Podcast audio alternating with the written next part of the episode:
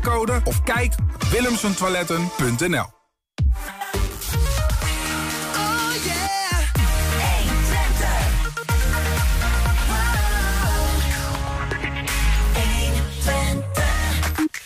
Het Diakonaalplatform Enschede schreef een brief op poten aan VWS, de Nationale Ombudsman en de, com- de, de- de- moet ik even goed zeggen, de commissaris van de Koning. Het Solar-team Twente is begonnen met The Road to Australia. Het tweede deel van de docu over de zaak Ardesh en een aangrijpend verhaal van een Oekraïense student in Enschede. En de voorbeschouwing op PSV FC Twente van aanstaande zondag. En natuurlijk de column van Bak Petersweem en we hebben nog veel meer. Het is vrijdag 24 februari. Dit is 120 vandaag. 120. 120 vandaag. Het Diakonaal Platform komt al jaren op voor de belangen van kwetsbare inwoners van de stad. Een paar jaar geleden bracht een brandbrief van de gemeenteraad een balletje aan het rollen, waardoor de bijstandsregels inmiddels een stuk soepeler worden toegepast. Maar met de uitvoering van huishoudelijke hulp is het nog steeds mis. Dat vindt in ieder geval dat platform. Gisteren eh, klopte eh, dat Diakonaal Platform, DPE afgekort, aan bij het ministerie van VWS, de Nationale Ombudsman en de commissaris van de Koning. Bij wijze van protest. En als laatste poging om de gemeente tot de orde te roepen. Aangeschoven is Jan Bonneveldhuizen, voorzitter van dat Diakonaal Platform. Welkom Jan. Hallo. Ja, je hebt een strippenkaart. Ja. Oh, net al. Je, het is niet de eerste keer dat je aan tafel zit. Ehm, ja. Zet de microfoon even, even lekker goed voor je, voor je mond, dan kunnen we je goed Ja, horen. hey, maar dat klinkt eh, nogal heftig. Een laatste poging om de gemeente tot de orde te roepen. Ja. Nou, het is ook een laatste poging. Ehm, we hebben meerdere eh, mails gestuurd eh, richting eh, eh, wethouder Diepenmaat, eh, die eh, daar nu onder zijn hoede heeft. We zijn eh daarvoor bij de burgemeester geweest om hem uit te leggen en te vragen om te kijken of er sprake is van onbehoorlijk bestuur. Ehm, wij werden dus eh, eigenlijk eh, subiet eh, richting eh, de wethouder gestuurd. Maar dat was inmiddels al de derde keer. Want de vorige burgemeesters hadden dit ook al gedaan.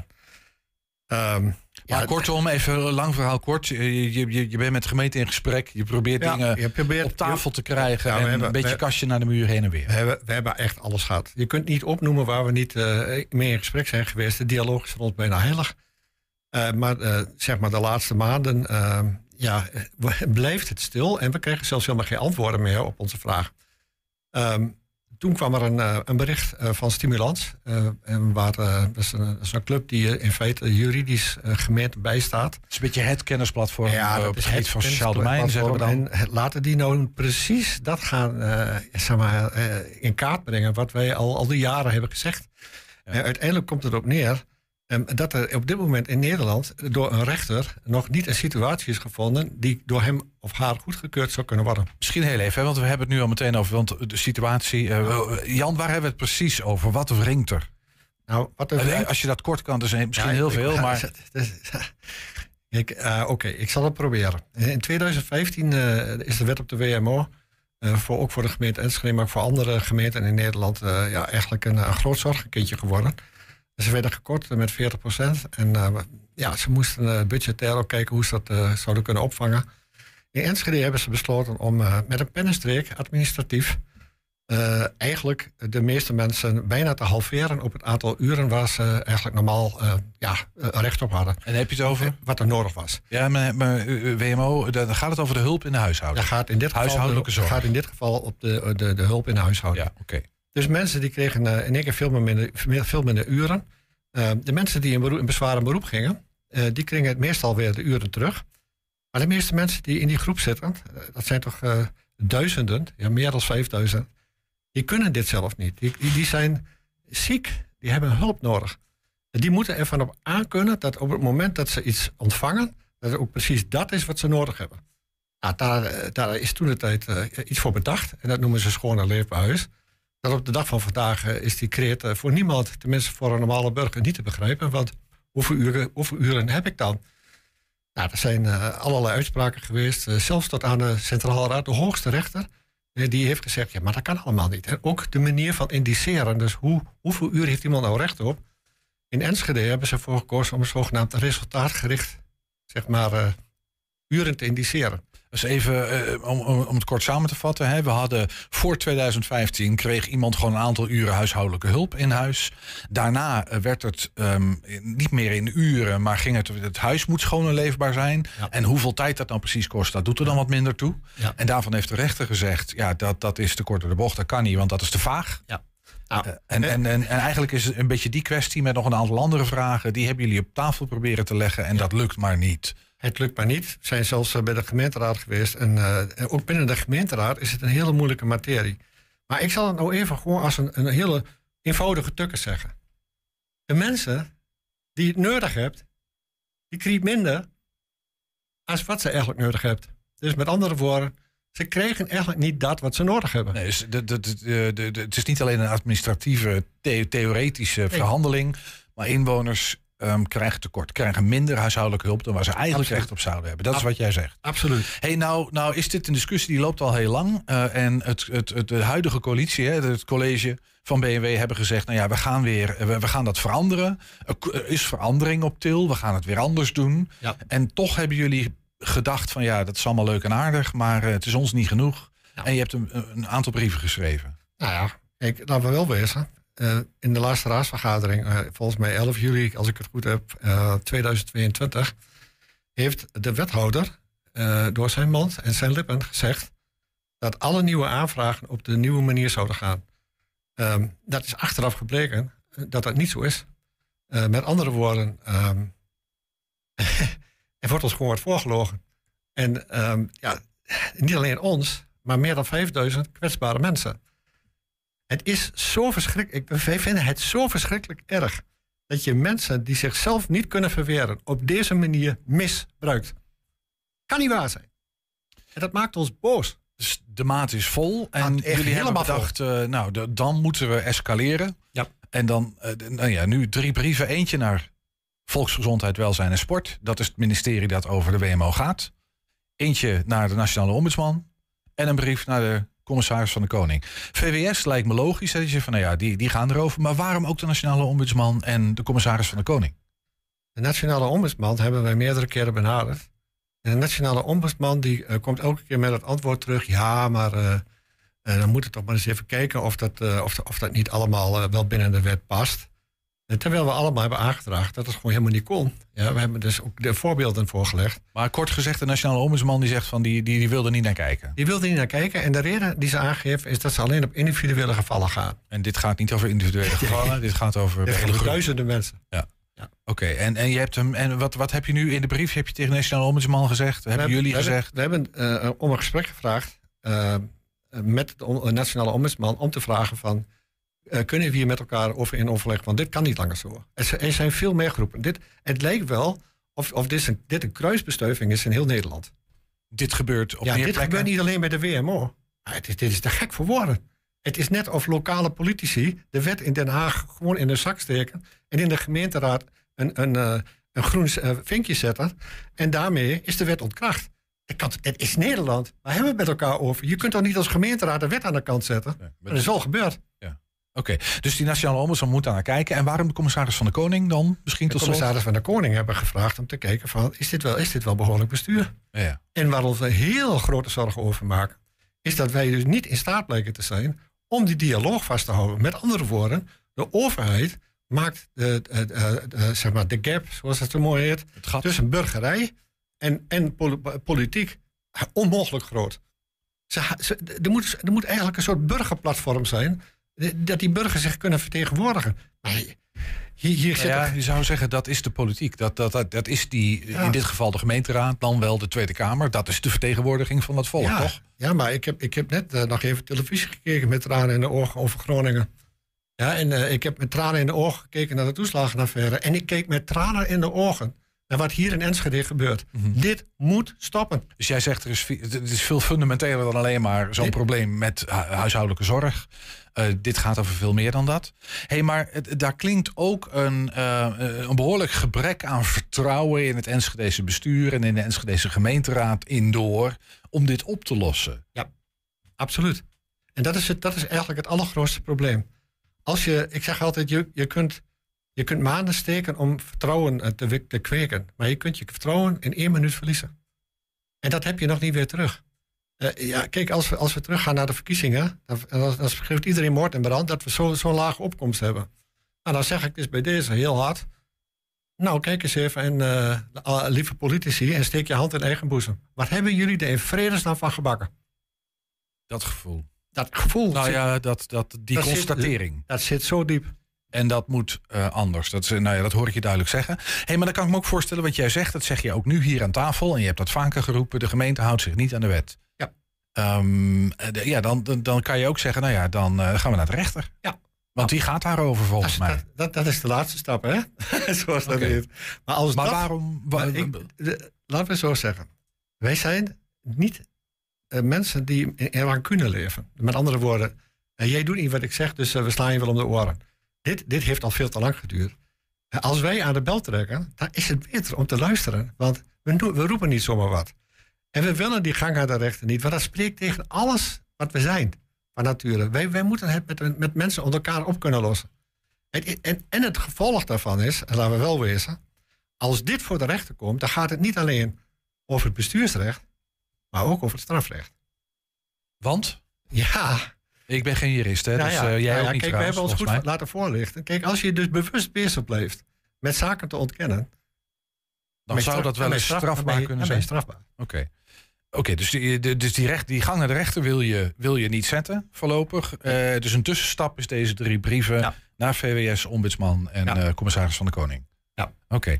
En, en de gemeente weet dat jullie deze brieven hebben gestuurd? Of, of Nou ja, kijk, als die je, als je, als je dus niet bereid bent om, eh, om vragen, de hele simpele vragen. Maar jij zegt niet bereid om vragen te beantwoorden. Die dialoog is toch eigenlijk altijd op gang gebleven? Of ben ik nou abuis? Kijk, als je, als, je, als je meer dan twee maanden niks hoort na een vraag, ja, dan denk je van, eh, waar ben ik nou mee bezig? En als je die, die vraag dan niet alleen stelt aan de wethouder, maar ook aan de burgemeester, CC, en ook niks hoort, ja, dan vraag ik me af waar we mee bezig zijn. Met andere woorden, de, de gemeente reageert niet op vragen. Dus we hebben nu die brieven gestuurd. De gemeente weet niet dat jullie die brieven Nee, hebben. Ja, ja. nu weten ze het waarschijnlijk. Maar ehm, Als ze, dat, als ze dat zo willen doen, dan moeten ze natuurlijk ook niet opkijken dat wij op een bepaald moment eh, tot actie overgaan. ja, oké. Dus ook nog, eh, en al, want deze brieven zijn gisteren de deur uitgegaan. Ja, gisteren hebben ze ontvangen. Ja, reacties al. Nee, nog niet. Dat zal dat, dat verwacht ik ook niet. Prematuur zijn Ja. dan eh, inderdaad.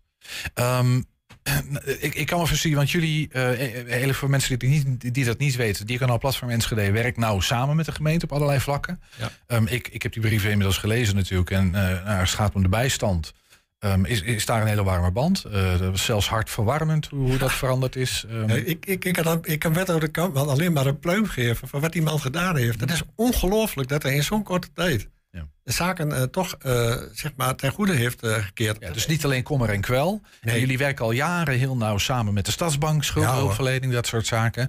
T- Dus er is een, een, een, nou ja, toch wel een, verhouding, een goede verhouding van jaren van samenwerking. We hebben absoluut een perfecte verhouding zelfs. Nou, ik, Ook met de afdeling van, van, bijstand. ja, en tegelijkertijd hoor ik jou ook heel duidelijk zeggen: ja, maar ik, ik, de, de, de, de maat is vol. En ik, dit, zet de span, dit zet de verhouding natuurlijk ook wel onder druk. Ja, maar dan kun je ook voorstellen dat als ik hier moet zitten... ik kom hier echt niet omdat ik een strippenkaart wil hebben... maar omdat, het dus, omdat er gewoon niet geluisterd wordt. En er wordt dus gewoon... Alsof, alsof die mensen niet bestaan... eh, gewoon doorgegaan op een pad. Eh, Ik zal je zeggen... eh, Ik heb bij een vergadering gezeten... bij de top van de WMO... waar op dat moment gewoon werd gezegd... wij, wij, wij, wij, organiseren het hele verhaal... maar we zijn buiten de wet. De erkenning dat De buiten de wet En- en, gehandeld dan, en, dan, en een week later zit je in de gemeenteraadsvergadering... en dan, en dan zegt diezelfde top... ja, maar we zijn binnen de wet. Hoe kan dat? En kijk, en, dat, en dan gaan ze allerlei dingetjes doen. Ik zal een voorbeeld geven. Ze, er moesten in één keer, die 4.000 of 5.000 mensen moesten allemaal in één keer een urenindicatie hebben. Dus niemand wist waar- hoeveel uren ze hadden. Want ja, dat was toch in 2015 eh, niet bekend. Ja, dan ga je toch naar die mensen toe en dan zeg je van... oké, we zijn nog zeven jaar verder.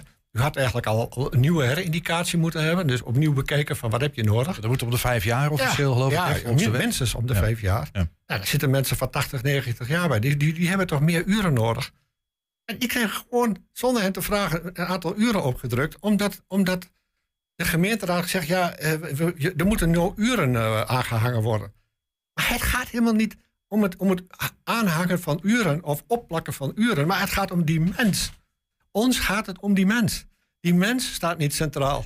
En ik hoor jou zeggen, met die mensen moet je praten om ervoor Juist. te zorgen dat je weet wat zij echt nodig hebben. En Juist. als je dat niet doet, dan Ja. loop je een groot risico dat die Ja. mensen te weinig krijgen. Ja, en, en, en dat is onze grootste zorg. Ik, ik had nog willen vragen, wat willen jullie? Maar volgens mij heb je dat impliciet in je verhaal wel helder gemaakt. Maar misschien toch even kort. Wat, wat, je hebt nu deze drie brieven gestuurd. Wat hoop je dat er gebeurt? We hopen dat het dialoog wordt opgestart. Ja? En hoe moeilijk de dialoog is. Ja?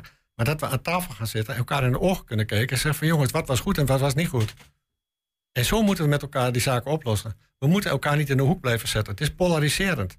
Als, als wij iets zeggen, dan zeggen we niet zomaar wat. Dan moet er geluisterd worden. En als we dan drie keer iets zeggen en er wordt nog niet geluisterd. Ja.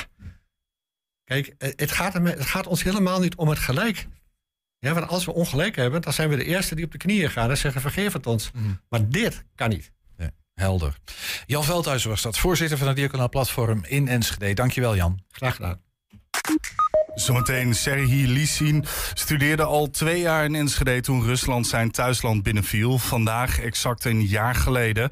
Wat heeft dit jaar met hem gedaan? En ook word je getroffen door peperdure warmte of valt het allemaal nog wel mee? 120 wil graag horen welke gevolgen de enorme stijging van de energiekosten heeft. Laat van je horen, vul de vragenlijst in. Dat kan op 120.nl slash vragenlijst. Doet ongeveer twee minuten. Dan kun je even invullen. 120. 120 vandaag. Ja, op de kop af, een jaar geleden viel Rusland Oekraïne binnen. Ja, zijn we er nog wel mee bezig? Dat is de vraag die we ons stelden in de stelling van de week. Vandaag, precies een jaar geleden, begon de oorlog in Oekraïne. Daar een dagelijkse realiteit. Bij ons staan de kranten er niet vol mee. Maar wat doet dit met onze houding? De stelling van deze week is... ik hou me dagelijks bezig met de oorlog in Oekraïne. Ja, ja, eigenlijk wel, ja. Nee, eigenlijk niet. Ja, soms zie ik een keer iets op het nieuws voorbij komen, maar dan het, het is ver weg, zeg maar. Dus het raakt mij niet. Nee, niet meer dagelijks. In het begin wel. Nou, heel toevallig was ik net in de biep en er was een heel goed meisjes. Volgens mij komen ze uit Oekraïne, allemaal jonge meisjes. eh, maar ik sta er niet dagelijks bij stil, moet ik eerlijk zeggen. Ja, nou, ik kijk wel iedere dag naar het nieuws. Dus je, ja, je hoort er toch eigenlijk wel vaak wat over. En ik vind wel iedere dag, ja, langs een plek, daar, daar staan Oekraïnse vlaggen. Dus je, je bent er, je- ja, je denkt er wel aan, maar je bent toch niet zo mee bezig. Hoe lang denk je dat de oorlog nog gaat duren? Lang. Ik had nooit verwacht dat het al zo lang zou duren, dus ik denk dat het nog wel even doorgaat. Ik hoop heel kort, maar ik vrees het ergste. Dat kan ik niet inschatten. Dat kan ik niet inschatten. Ik ehm, heb niet het gevoel dat het snel voorbij is, zeg maar. Nee, dat weet ik niet. Nee, ik heb echt geen idee. Ik hoop dat het gauw afgelopen is. Nederland heeft 2,5 miljard gereserveerd voor eh, Oekraïne. Wat eh, vind je hiervan? Ja, als ze het nodig hebben, dan is het goed. En als we de middelen hebben, dan is het goed. Als het maar niet over, zeg maar, de, eh, over de ruggen van de eigen bewoners gaat. Klinkt als veel, maar het is niet heel veel, denk ik. Wat bedoel je daarmee? dat ehm, de inwoners van Nederland niet meer genoeg ondersteund kunnen worden door de overheid omdat er te veel geld naar Oekraïne gaat. Nogmaals, ik vind het wel gewoon goed dat het, dat het erheen gaat, maar ehm, als er maar een balans blijft. Ik heb geen idee wat ze daarmee kunnen. Ja, ja, is altijd zo moeilijk om prijskaartjes aan dingen te hangen, toch? Eh, hier, hier hebben mensen het ook heel hard nodig, maar daar ook. Ja, in Turkije ook. Ja, over de hele wereld. Ik vind het wel, wel mooi dat Nederland dat gaat doen, ja. Ja, En waarom dan? ja dus, eh, je mag ze best steunen, die mensen. Ja, vind ik wel. Want als, ik, als je dan die, v- de foto's ziet en de films ziet op tv... dat alles, alles weggevaagd is, dat, dat is gewoon eh, te triest eigenlijk.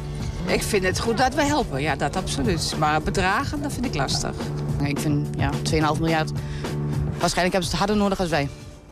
Ja, meteen na de uitbraak van die oorlog ontvluchten miljoenen Oekraïners hun land. Maar er zaten ook al veel Oekraïners in het buitenland. Studenten bijvoorbeeld die naar het buitenland gingen met een toekomstdroom. Wat gebeurt er met je als opeens thuis de pleuris uitbreekt? En wat doet het met je tot nu of tot dan toe onbezorgd beeld van de toekomst? In student, uit, oh, student in oorlogstijd vertelt een aantal van hen een hoogstpersoonlijk verhaal. Vandaag is dat Sergi Lisin, nu 20, die drie jaar geleden naar Enschede kwam.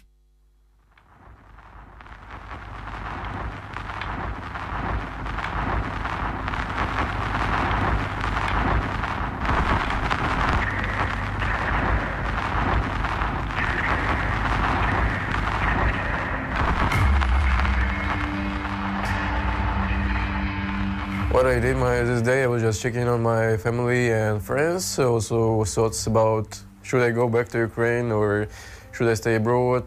How can I help Ukraine or just whatever? So it was more about thoughts and like what should, like what a, a plan to write a plan for all possible cases. So yeah, it was a it was my activity for this day. Most of all, I think uh, one hour in my life when uh, I couldn't just reach to my family because um, I was not to any socket and I couldn't charge my phone. Uh, luckily, I found a guy who gave me a power bank so I could charge them and like uh, also check with my family if everything's okay. And uh, in the evening, I called my father. Uh, I remember he told me like, whatever is happening, just um, everything should be good. But you know, like, um, how to tell it? Yeah, one second, sorry.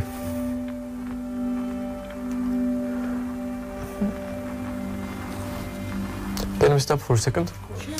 Thank uh, so actually, like all my dialogues with the family, especially with my father, like we have overcome with him a lot of stuff, a lot of, if I can say, like problems. So every time he says like everything will be okay, I realize it it's not okay. I was speaking with my father like what is going on, and he told me like I remember this word like whatever happens, just continue life and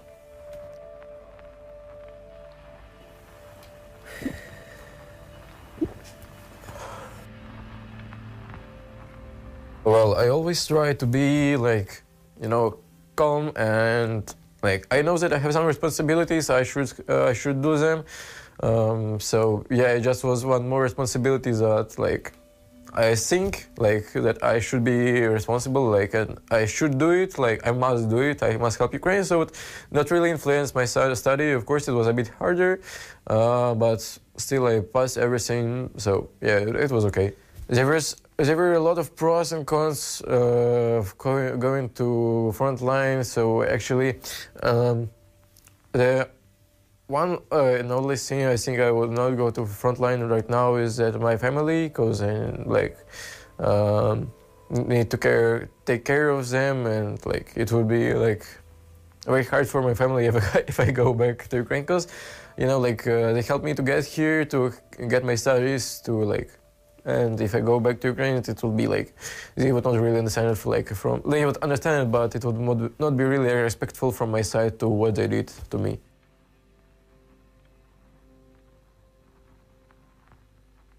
Yeah, at first, my thoughts, of course, is war, it's like an awful one. But then, um, after speaking with some soldiers, like uh, friends I have on front lines, I realized it's it's not. Yeah, of course, it's awful. It's war, but now we have a final chance to get independent from Russia. So we'll have no connections with them. So we can finally show Russia that we are independent, and uh, we will end this story forever. Um, so at first uh, few weeks I was uh, volunteering just like in a local station, just collecting things and sort them. Um, then I tried to join some volunteers that were collecting money to send uh, some like thermal imagers uh, or helmets and stuff like that to Ukraine. But you know, like uh, what I didn't like is after first maybe two months, especially till the summer, like in the beginning of summer, uh, some people stopped doing it. So I really didn't like it, and um, I think in uh, like I have a friend who had a friend who is on the front line. So basically, he gave me my, he gave him my contact, and they contacted me in I think in the end of March, like so maybe one month after month uh, after war started. And uh, they just after that they regularly texted me like okay we need tactical belts plate carriers helmets whatever they need. We try to get it and send it as fast as possible to our front line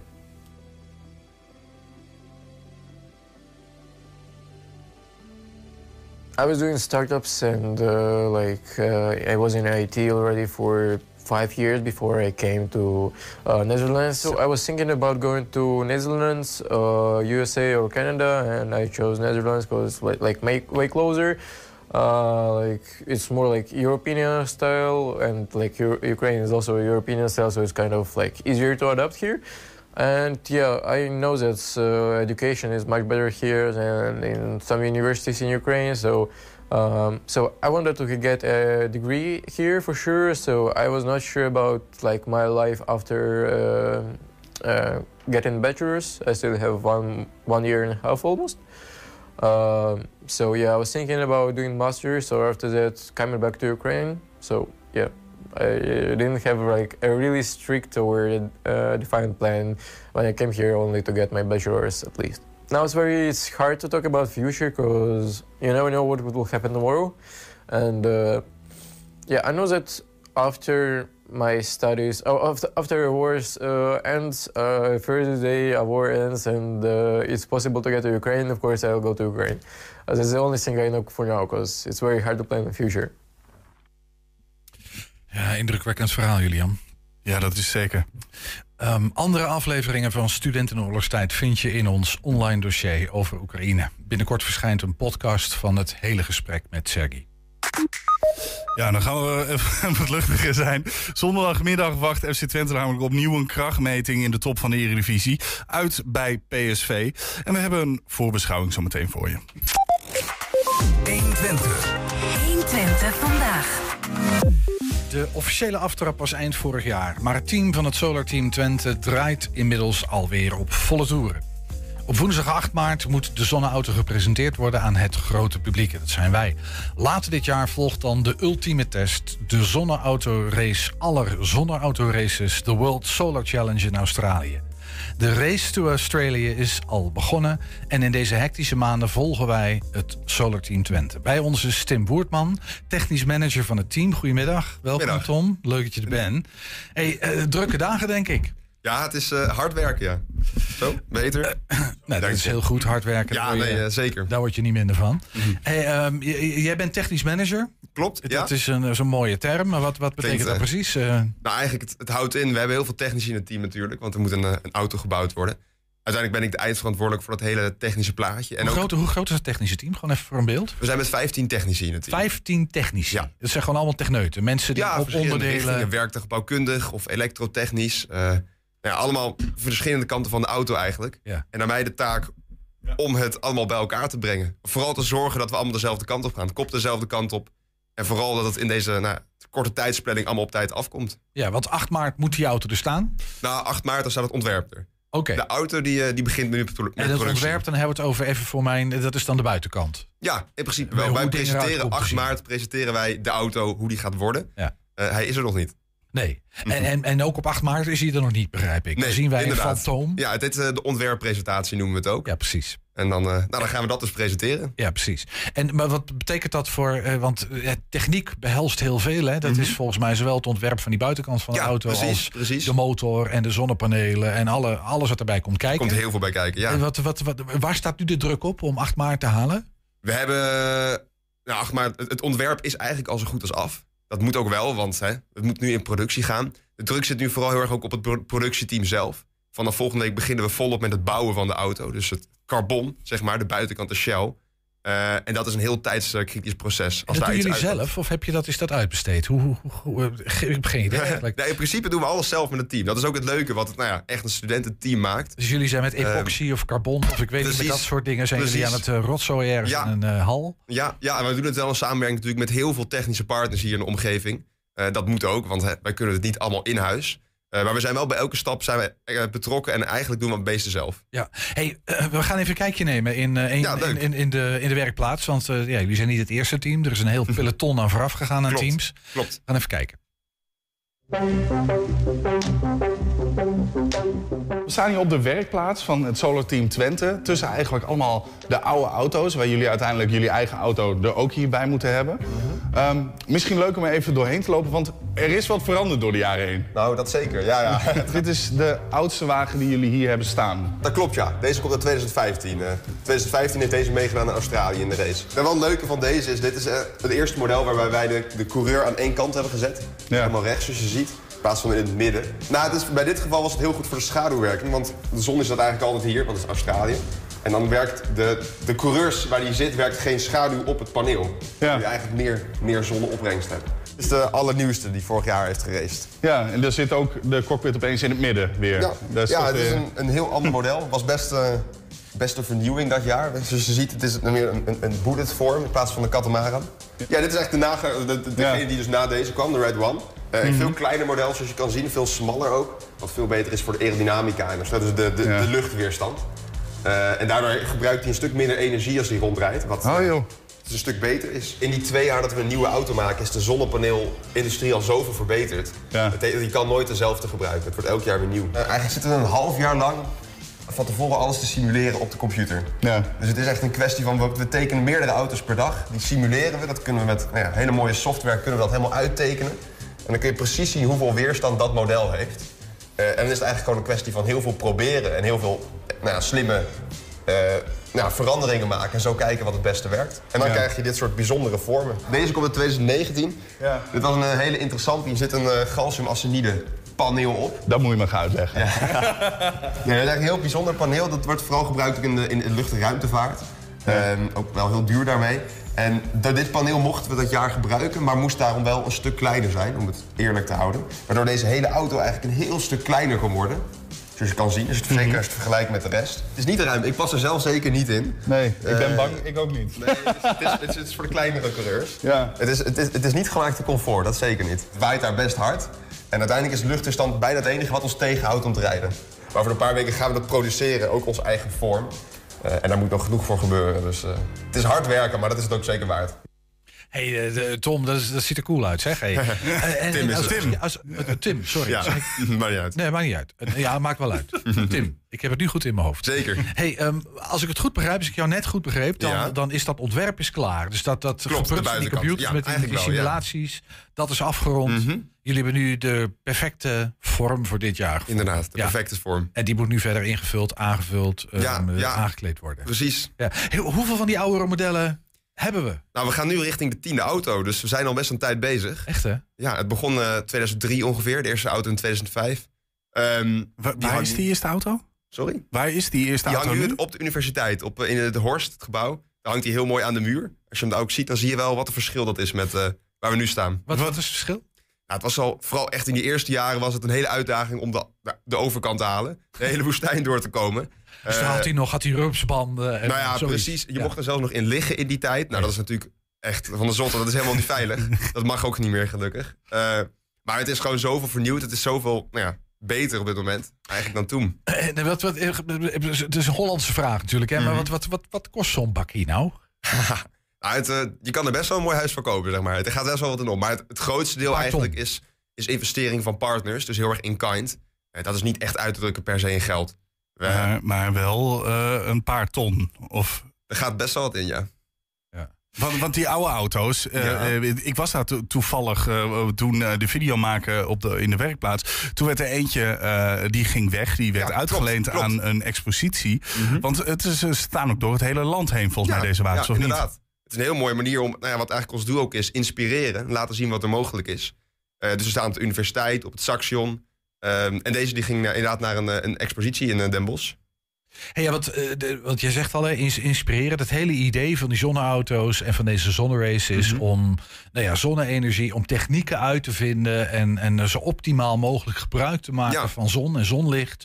En alleen maar zonlicht. Er zitten geen accu's in deze dingen. Hè? Ja, er zit wel een kleine accu in. Dat is eigenlijk vooral de marge, zeg maar. Dat als er schaduw opvalt, dat niet de hele auto gelijk uitvalt. Nee. Ehm, maar in principe kan die gewoon alleen op zonne-energie het hele woestijn doorkomen. Ja, want dat is wel het grote verschil met elektrische auto's zoals wij ze kennen. Hè. Ja. Die worden, heb je grote, grote accu, Precies, accupacks veel in opladen zitten. inderdaad. Ja. En, dan, en dan kan je rijden op de accu's feitelijk. Dit rijdt alleen maar op zonnepanelen. Dat is ja, eigenlijk het idee. dat is wel het uitgangspunt En, inderdaad. en eh, is, is het, is het ehm, eh, hoe denkbaar is het en, en dan eh, binnen welke termijn dat wij straks allemaal in zonneauto's rijden in plaats van Elektrische. Ja, Ja, het zou natuurlijk een prachtige oplossing zijn voor nou ja, waar je energie vandaan haalt. dat is waarom ik het vraag. Dat je gewoon op zo'n manier door kan gaan. Op dit moment, en je zag natuurlijk met Lightyear, er, er wordt al heel veel op gepusht. Er is er heel veel mogelijk.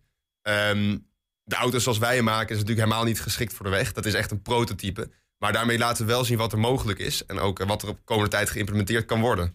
Doe eens een prognose. Wanneer eh, rijdt eh, een, een, een deel van de mensheid rond in dit soort zonneauto's? Volledig op Ah, zonne-energie? Niet dit soort, maar Gewoon zonneauto's, ja, precies. Ik denk dat eerst de komende jaren heb je de auto's, zoals nou, waar Luitje ook op focuste, is, is die een deel op zonne-energie rijden. Dus eigenlijk om het te verminderen. Eh, voordat we daar volledig op zijn dat je helemaal niet nooit meer hoeft op te laden, dat, dat zal nog wel even duren. Want dan heb je hele efficiënte zonnepanelen nodig. Maar ik denk dat we de komende jaren echt wel auto's gaan zien die een groot deel van hun energie uit de zon halen. Maar ik hoorde jou net in de video ook zeggen dat die ontwikkeling van zonnepanelen heel hard gaat. Hè? Ja, Elk is, eh, jaar, als je meedoet, moet je gewoon nieuwe zonnepanelen leggen. Anders loop je gewoon achter. Zeker. Als we dezelfde paneel precies hetzelfde gebruiken, dan, nou, dan hou je het niet. Nee. Dan win je niet. Vorig jaar heb je gewonnen. Ja, Dus klopt. dit jaar wil je natuurlijk weer winnen. Zeker, zeker. Dus, nu in eh, Australië. Welke panelen heb je er nu op liggen? Wat voor is Want we de, de, de ruimtevaart hebben we al gehad. Ja, Eh, dat uh, niet inderdaad.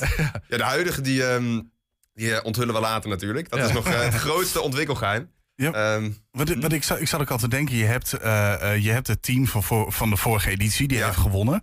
Wissel je ook veel informatie ook nog met elkaar uit? Want ik gok dat die mensen nu weer op school zitten. Ja, want om, om het heel even voor, voor de mensen thuis uit te leggen. Jij bent anderhalf jaar, stop je met je studie om alleen dit te doen, hè? Ja, Heb ik dat goed? inderdaad. Ja. En dus spreek je die mensen dan ook wel of hebben ze er geen tijd meer voor? Of? Nou, het is echt een soort community geworden. Ah. Eh, de oud-teamers van Zorteam, we hebben er ook nog rondlopen 2011, die blijven terugkomen. We hebben sowieso elke week een avond met z'n allen waarin we alles doorspreken.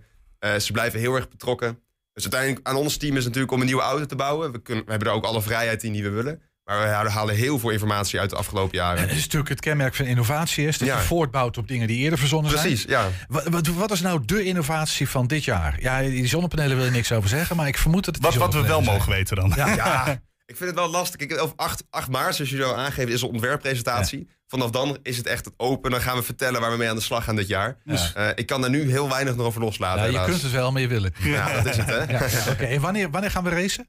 We gaan racen 22 oktober in Australië. Ja, dus dan heb je nog een aantal maanden om, eh, om ons te vertellen wat er nou precies, Precies, is. Dat precies. ga je nog wel Maar- komen doen, hè? Ja, dat eh komen we Wat, graag wat, over wat, verder. ga jij ook naar Australië toe? Want een technisch manager is natuurlijk niet altijd eh, je benodigd om daar op de werkvloer Mhm. te hebben. Want het is vaak een produ eh, eh, de, de producenten en Ja. de, de, de, de, de mensen die er echt daadwerkelijk in racen. Want hoeveel coureurs hebben jullie? We hebben er drie of vier coureurs. Oké, en, de- die maar, maar ook hoeveel- echt af, ja. hoeveel ga je naar Australië toe? We gaan, ons hele eigen team gaat natuurlijk mee, dus de huidige studenten. En we nemen ook een hele hoop oude teamgenoten mee en externe mensen die erbij betrokken zijn. Wij willen aantallen, Tim. Dus het komt eh, in totaal rond richting de 40. eh. En, en, Ja. en want er zijn meerdere teams uit Nederland die Ja, hieraan, klopt. eh, hieraan meedoen. Wel- Welke locaties eh, doen nog meer mee? We hebben naast ons zit Groningen en eh, Delft. Concurrenten van ons. Maar, maar eh, eh, die komen eigenlijk ook uit steden waar ook heel veel geld in de teams gepompt wordt. Eh, Mhm. Wordt dat bij jullie ook gedaan eh, door de, bijvoorbeeld de, de, de bedrijven hier? Ja, dan gaat, er komt zeker wat bij kijken, ja. Ja. Het sowieso in geld, wat ik heb, eh, vertelde, maar ook natuurlijk gewoon in manuren. Bedrijven die zich echt erbij aansluiten, heel veel meedenken, eh, producten aan ons leveren. Dus het is echt een samenwerking uit de omgeving hier. Dat, is, dat maakt het ook zo mooi. En, en binnenkort volgens mij ook een crowdfunding, als ik het goed heb Zeker, vernomen. zeker ja. ja. Ja, dat is iets wat wij elk jaar nou, proberen opzetten. Eh, een manier om mensen uit de regio ook betrokken te houden. Te laten zien wat we allemaal doen. Ehm, en dan gaan we dus inderdaad weer een, een mooie crowdfunding voor opzetten. Ja, genoeg dus om nog een keer over te kletsen. denk Ja, dat, eh, dat is eh, geen probleem. Dat lijkt me zeker. Maar ik, ik nog even terug naar die innovatie. Hè? Ja, Want eh, ja. het, het Twente profileert zich natuurlijk als kennisregio. Ja, Ehm, en, en met name ook op dit gebied van high-tech. Mhm. Eh, jullie, ja, jullie zitten op de cutting edge van wat daar gebeurt. Zeker, Het zeker. is echt experimenteel en proberen Ja, en ontwikkelen. De techniek die wij in de auto toepassen, dat is niet iets wat je kan kopen vaak. Nee. Dat is echt met de universiteit. dat veronderstelt, en ik, ik, je, je, doet een beetje geheimzinnig, maar je, dat veronderstelt dat de zonneauto die we komende jaar gaan zien, echt weer eh, op het topje van innovatie zit. Ja, Is dat zo? ja het is echt. Het is elke keer weer een beter dan de vorige natuurlijk. Ja. En Wat, wat is het meest cruciale in, in de komende maanden als het gaat om die race in Australië? Wat, wat gaat beslissen of jullie gaan winnen of niet? Opnieuw gaan winnen of niet? Want dat is wat. eh, dat is, dat is de komende maanden. Ik denk, wat nu heel kritisch is, is het tijdspad waar we in zitten. het, het is eigenlijk tijdpad. Is, jij zou wat meer tijd willen hebben. Tijd is, altijd, is echt een luxe op dit Maar dat is altijd zo. Ja, Ja. ja. het, moet, het moet allemaal heel snel af. De marges zijn minimaal, anders dan hebben we niet de beste technologie. Want als je marge hebt, dan kan je daar ook ontwikkelen. Ja, de- je had net het verhaal over die zonneauto die een stuk smaller, eh, omdat je betere zonnepanelen had. zeg maar. Bijvoorbeeld, Dat, ja, zoiets. dus- ja, precies. Dus het, het, het is allemaal heel krap. We zijn afhankelijk natuurlijk van heel Dus veel het gaat om de partijen. finesses, om de, om de, om de details. Ja, ja, ja, en het moet allemaal perfect geproduceerd worden straks. Daar, moet, eh, daar moet niks misgaan. Interessant, joh. Ehm, crowdfunding houden we het over. Misschien even naar die crowdfunding terug. Ehm, want, want hoe gaat het eruit zien? Ehm, je gaat mensen vragen om een bijdrage te leveren. Ja, ja en wat, wat het verleden net, wel eens is zul je net de gebeurd. achteruitkijkspiegel van kunnen kopen waarschijnlijk. in Nou, het verleden is bijvoorbeeld uh, adopteren zonnepaneel gebeurd. Dat was een heel leuk initiatief waarin je dus een deel van ons nou, complete zonnepaneel kon adopteren. Eh, later ook een, een, nou, een, een, een, kopie ervan kon krijgen. En op zo'n manier echt betrokken kon zijn bij de race. Ja? De precieze invulling, daar is onze communicatieafdeling nu hard mee bezig. Dat Dus is nog niet helemaal- mijn tak van sport, maar dat is wel eh, iets wat echt opgezet wordt nu. Maar mensen kunnen gaan meedoen. Dat sowieso. Als jullie in de gaten willen houden, zeggen van nou, dat is leuk. Ik, ik, ik wil meer weten. En Ja. eh, zowel in de aanloop, hè, die crowdfunding-actie, als het mee samenhangt, als ook straks met de race. Mhm. Waar moeten mensen kijken? Waar kunnen ze terecht? Ja, op onze Instagram, daar wordt toch wel het meest gepost, denk ik. Daar komen sowieso twee keer per week komt daar een leuke post op. Eh, op onze website plaatsen we ook eh, veel nieuwsupdates. En ook ons volgen, zeker in de komende productietijd en ontwikkeling, is het het meest Instagram. En Instagram is apenstaart Solar Team Twente. Ja. Is, is dat, eh, dan hebben we het goed gezegd? Solar Team Twente, ja. Hartstikke goed. Tim Woertman was dat, dankjewel. Ja, bedankt. We zijn ook als podcast te luisteren via alle bekende platforms. Je vindt daar hele uitzendingen en elke dag één item uitgelicht. 120. 120 vandaag. FC Twente maakt zich op voor de tweede uitwedstrijd op rij. Zondag wacht PSV in Eindhoven. Vorige week reisde de ploeg af naar Deventer... waar het een vervelende middag beleefde tegen Go Ahead Eagles. Trainer Ron Jans had er dinsdag nog een kater van... en die is nu, een paar dagen later, wel verdwenen. Het is nu vrijdag. Als je nu nog een kater hebt van, eh, van zondag... Dan, eh, dan doe je jezelf en je omgeving denk ik eh, geen plezier. Dus nee, dinsdag hebben we dat afgesloten. En dan moet je weer vooruit. Dus de kater is weg. Maar ja, er zit wel iets bij mij. En ja, ik ga er ook vanuit bij de groep om te laten zien... dat wij beter kunnen dan uit bij Go, Ahead, Go Ahead Eagles. Want dat was gewoon dik onvoldoende. Ehm, je zei van dinsdag hebben we dat afgesloten. Ehm, is dat dan bij die wedstrijd, want ik hoorde jou ook na afloop zeggen... denk wel onze slechtste van het seizoen tot dusver... dat daar misschien iets langer over doorgepraat moet worden? Of, of is dat niet zo? Ja, eh, langer weet ik niet, maar wel een eh, iets andere inhoud. Want eh, we hebben toch wel ja, la- laten zien in deze wedstrijd, met name de eerste half uur. En dan gaat het altijd om, eh, oké, je hebt duels. En dan gaan een speler van Go Ahead en een speler van Twente duels in. En als dan eh, van de 105 duels er 60 worden gewonnen door, eh, door Go Ahead Eagles... en 45 door Twente, dan klopt het niet. Als er maar 34% van de tweede ballen voor ons zijn... en 66% voor Go Ahead Eagles, dan klopt er iets niet. Van de eh 18 luchtduels gewonnen door Go Ahead, 12 door SC Twente... ja, dan zie je al eigenlijk waar het in het eerste ja, eigenlijk kwartier helemaal eh, gewoon misgaat. En dat wordt dan ook nog afgestraft in, eh, in doelpunten. Het, het ging veel over inzetten na afloop. En ik moest nog even denken, want ja, dan zou je denken, begint ze er weer over. Maar vorige week refereerde ik even aan jouw interviews naar Groningen uit. Toen jij ook over strijd begon. Van af en toe vergt het die strijd. En, en die uitspraak die jij toen had, van ja, dat spelers dan tegen jou zeggen... ja, maar dat komt in de wedstrijd wel goed. En, en nou ja, een paar dagen later gaat het daar weer mis op. In hoeverre kun jij daar dan dat vertrouwen daarin hebben... wanneer zij nu zeggen van nee, maar nu gaat dat wel goed komen? Of, of ja, kun je dat dan hebben? Nou ja, we, we hebben heel veel wedstrijden gespeeld. Het is ook wel vaak eh, eh, wel goed gegaan. Eh, maar dit was echt... we hebben uitwedstrijden eh, gehad die we hebben verloren of gelijk gespeeld. Waar wel hele goede dingen in zaten, maar waren we niet effectief. Of het was een fase in de wedstrijd waar het niet goed was. Maar deze wedstrijd was echt niet goed. Alleen... ehm, als je kijkt naar het middenveld met eh, eh, Stijn en Salahedin en met, met Schöle... die hadden nog nooit drie, eh, die, die drie jongens met elkaar eh, samen gespeeld eigenlijk. En, en, en ja, dan zie je ook wel dat zij wel van goede wil zijn... maar dat de automatismes van wie dekt wanneer... ehm, ehm, ja, dat, dat, dat, dat hielp ook niet mee. Dus het is niet alleen maar, zeker wel in de beginfase... iets van alleen maar dat je niet genoeg strijdt. Maar ja, je moet ook meer op elkaar afgestemd zijn. En dan is het wel fijn dat we in ieder geval een paar spelers weer terug hebben... eh, voor de wedstrijd tegen PSV. Wie keren er terug? Ehm Prupper en Zerouki eh, sowieso. En ook uh, Plecozuelo zit weer bij de selectie. Dat is nog niet voor de hele wedstrijd, wel maar voor een eh, slotfase. Ehm, het is wel zo dat Daan Rots en ehm, eh, Sadilek en ook Titon... Met, die kreeg een bal op zijn hoofd op de training met een lichte hersenschudding. En die zullen er ook alle drie weer niet bij zijn. Sadilek in ieder geval ook nog niet terug. En Jeuler ligt er ook eh, een tijdje uit. Zagen wij eh, op zijn eigen Instagram-pagina voorbij komen. Ja, die heeft gewoon een, ehm, eh, een kaakbreuk. En ook Sadilek, er is een scan genomen. ja, die heeft spierschade. En, en ja, dat is toch serieuzer dan we hadden gehoopt. ja, serieuzer. Maar is, valt daar iets over te zeggen? Of dat langdurig is? Of, of hoe lang ongeveer? Ja, die is er wel een, een aantal weken in ieder geval uit. En hoe lang precies, dat, dat durf ik niet te zeggen. Uh, ja, dus op een gegeven moment ging het vizier uiteraard op PSV uit voor dit uh, weekend. Jullie hebben dit seizoen eerder laten zien dat jullie uh, het hen moeilijk kunnen maken. Wat, wat, ja. In hoeverre denk je dat die wedstrijd thuis een, een graadmeter kan zijn voor aankomend weekend? Ah, dit, dit is wel uh, een heel ander moment. Want uh, toen zaten wij echt in een uh, geweldige fase. Maar ook toen hadden wij een aantal spelers er niet bij. Ik weet dat Matthias Schöleut is een... ja, hij heeft natuurlijk de opleiding bij PSV gevolgd. dat hij startte tegen PSV. En, en Daan Rot speelde toen uitstekend, uitstekend op 10. Dus we moesten wat schuiven. Maar dat deden gewoon heel goed. En ja, dat, dat is zo mooi, als we dat ook een keer kunnen omzetten in een, in een uitwedstrijd. Wat we bijvoorbeeld het eerste half uur uit bij Ajax uh, heel goed hebben gedaan. Uh, maar ik, ik, denk wel dat wij nu ook weer wat, uh, wat extra vertrouwen... Niet, niet dat het nou opeens uh, helemaal in elkaar is gezakt... maar we moeten wel weer wat vertrouwen opbouwen... omdat we nu toch wel de laatste wedstrijden of wat punten hebben laten liggen... en de laatste wedstrijd was gewoon slecht. Straks de Zakadesh houdt de gemoeder in Enschede al geruime tijd bezig. Vandaag publiceren we het tweede en laatste deel van een documentaire. 120. 120 vandaag.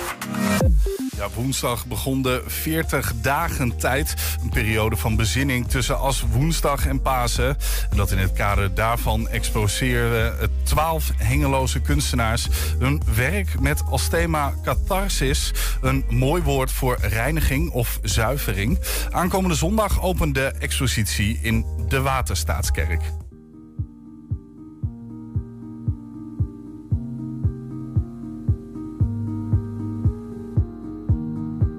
Ik denk dat we ongeveer vijf jaar dit, dit doen. Ja, zeven, het is de zevende expositie al. Je ziet vooral uh, 2D-werk, uh, dus uh, met acryl of olieverf of, of digitale collages of anderszins. en er zijn ook een paar sculpturen, die zijn ook hier aanwezig. Ja, catharsis, het woord staat eigenlijk voor reiniging.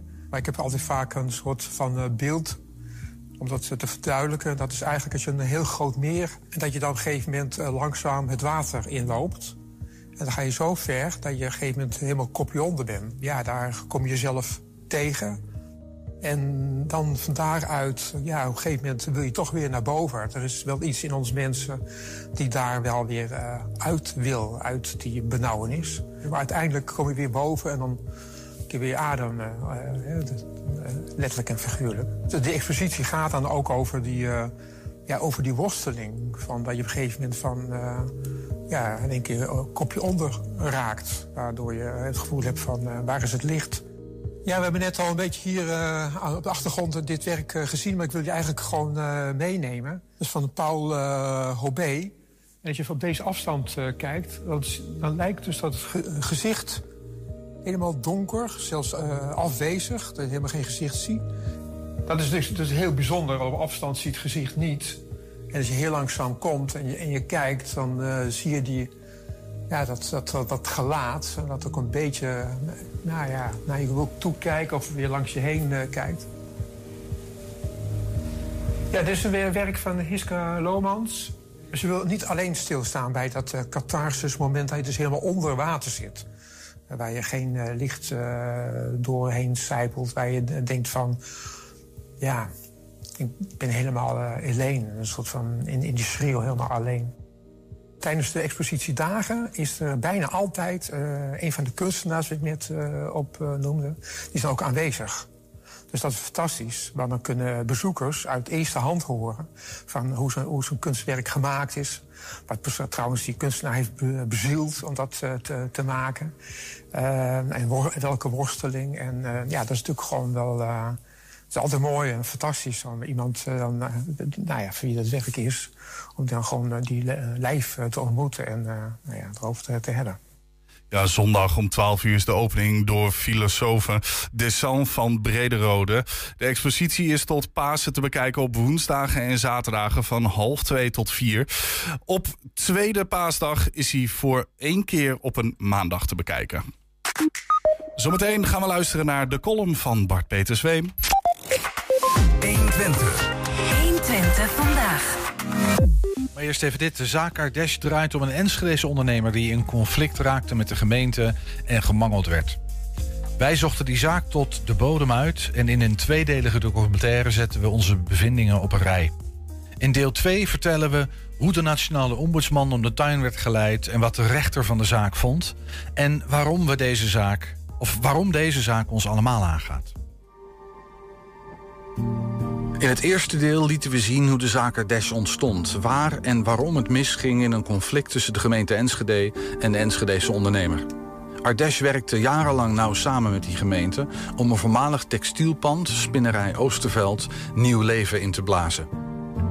Tot dat complex verkocht moest worden en er een vastgoedontwikkelaar in beeld kwam met een dubieuze reputatie. Walas Concepts BV. Ardesh trok aan de bel Daarna gebeurde hem wat zoveel klokkenluiders overkomt. Hij werd vakkundig koud gesteld.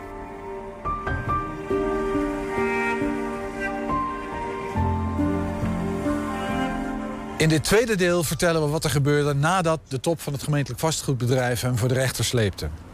Het is april 2018. Ardesh stapt naar de nationale ombudsman.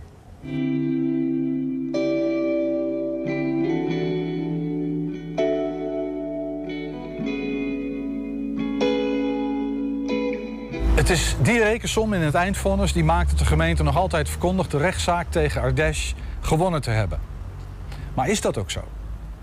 De rechter oordeelt anders. Die zegt wederzijds in het gelijk ongelijk. Remise dus. Nou, om dat te begrijpen moet je die tussenvonnissen gaan afpellen. En dan blijkt een aantal heel opmerkelijke dingen. Allereerst zijn daar de bedragen die Ardesh en de gemeente over en weer aan elkaar moeten betalen.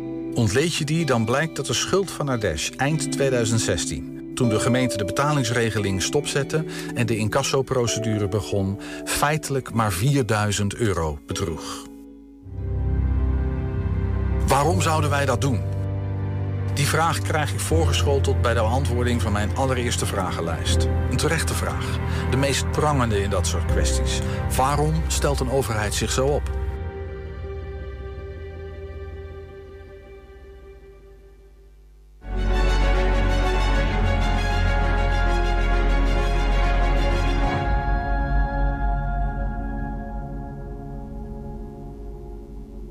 Of dit echt waar is, dat was twee jaar geleden de reden om in dit verhaal te duiken. Om vragen te stellen, informatie op te vragen, WOP-verzoeken te doen.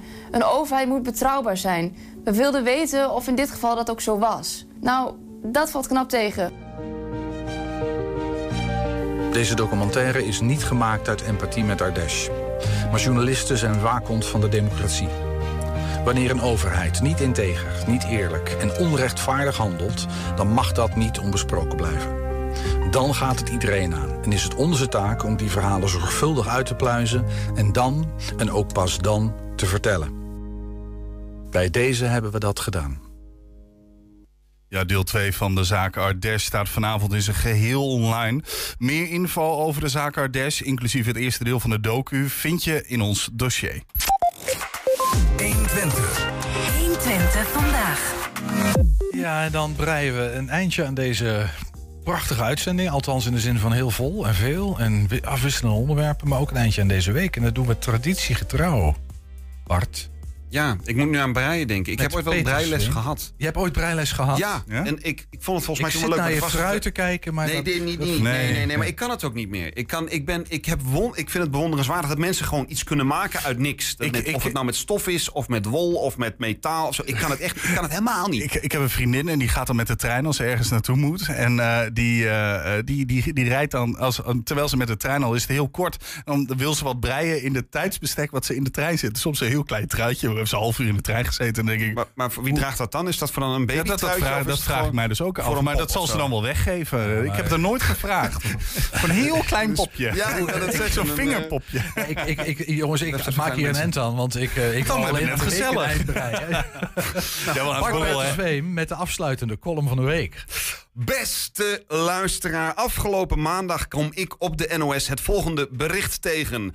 Kaag in Twente opgewacht door demonstranten met brandende fakkels. En toen dacht ik wel even, what the fuck? Maar misschien was dat niet helemaal om de juiste reden. Want ik maakte me op dat moment eigenlijk vooral druk om het imago van Twente. Ik denk lekker dan. Zo is het beeld van de Twentenaar weer neergezet. Alsof heel Twente demonstreert met fakkels. Waar was dat dan precies? Was heel Twente uitgelopen? Stond op zijn minst Enschede vol? Hadden Hengelo en Almelo zich verenigd in het centrum van Borne? Nee, het was in Diepenheim. Een van de weinige gemeenten waarbij zelfs Twentenaren het begrijpen als de rest van Nederland het verward met de achterhoek. Ook wij twijfelen wel eens. Als Twente willen we Diepenheim best wel ruilen tegen de achterhoekse Hengelo. Zou leuk zijn, want dan hebben we twee Hengeloos. Spaar ze allemaal. Maar terug naar het fakkelmanschap. Het staat toch een beetje lullig als je als heel Twente geassocieerd wordt met de fakkeldragende demonstranten die een politicus opwachten. Waarom fakkels? Was het donker? Hadden ze het koud? Wilden ze alvast een mini-paasvuur op een stokje? Ik weet het niet. Het waren in ieder geval fakkels en er zijn toch wel mensen die dat associëren met intimidatie. Al is het maar omdat iedereen wel weet dat iemand met een fakkel een tijdje daarvoor nog Kaag bedreigd had. Dan is dat toch een beetje alsof je een slachtoffer van een auto-ongeluk direct na het ongeluk je nieuwe auto wil laten zien. Alsof je iemand die net in elkaar geslagen is ter afleiding meeneemt naar een bokswedstrijd. Of alsof je iemand die net bijna verdronken is een glaasje water aanbiedt. Op zijn minst allemaal niet erg tactvol. Zelf snapten de demonstranten de commotie over de gemoedelijke fakkels niet.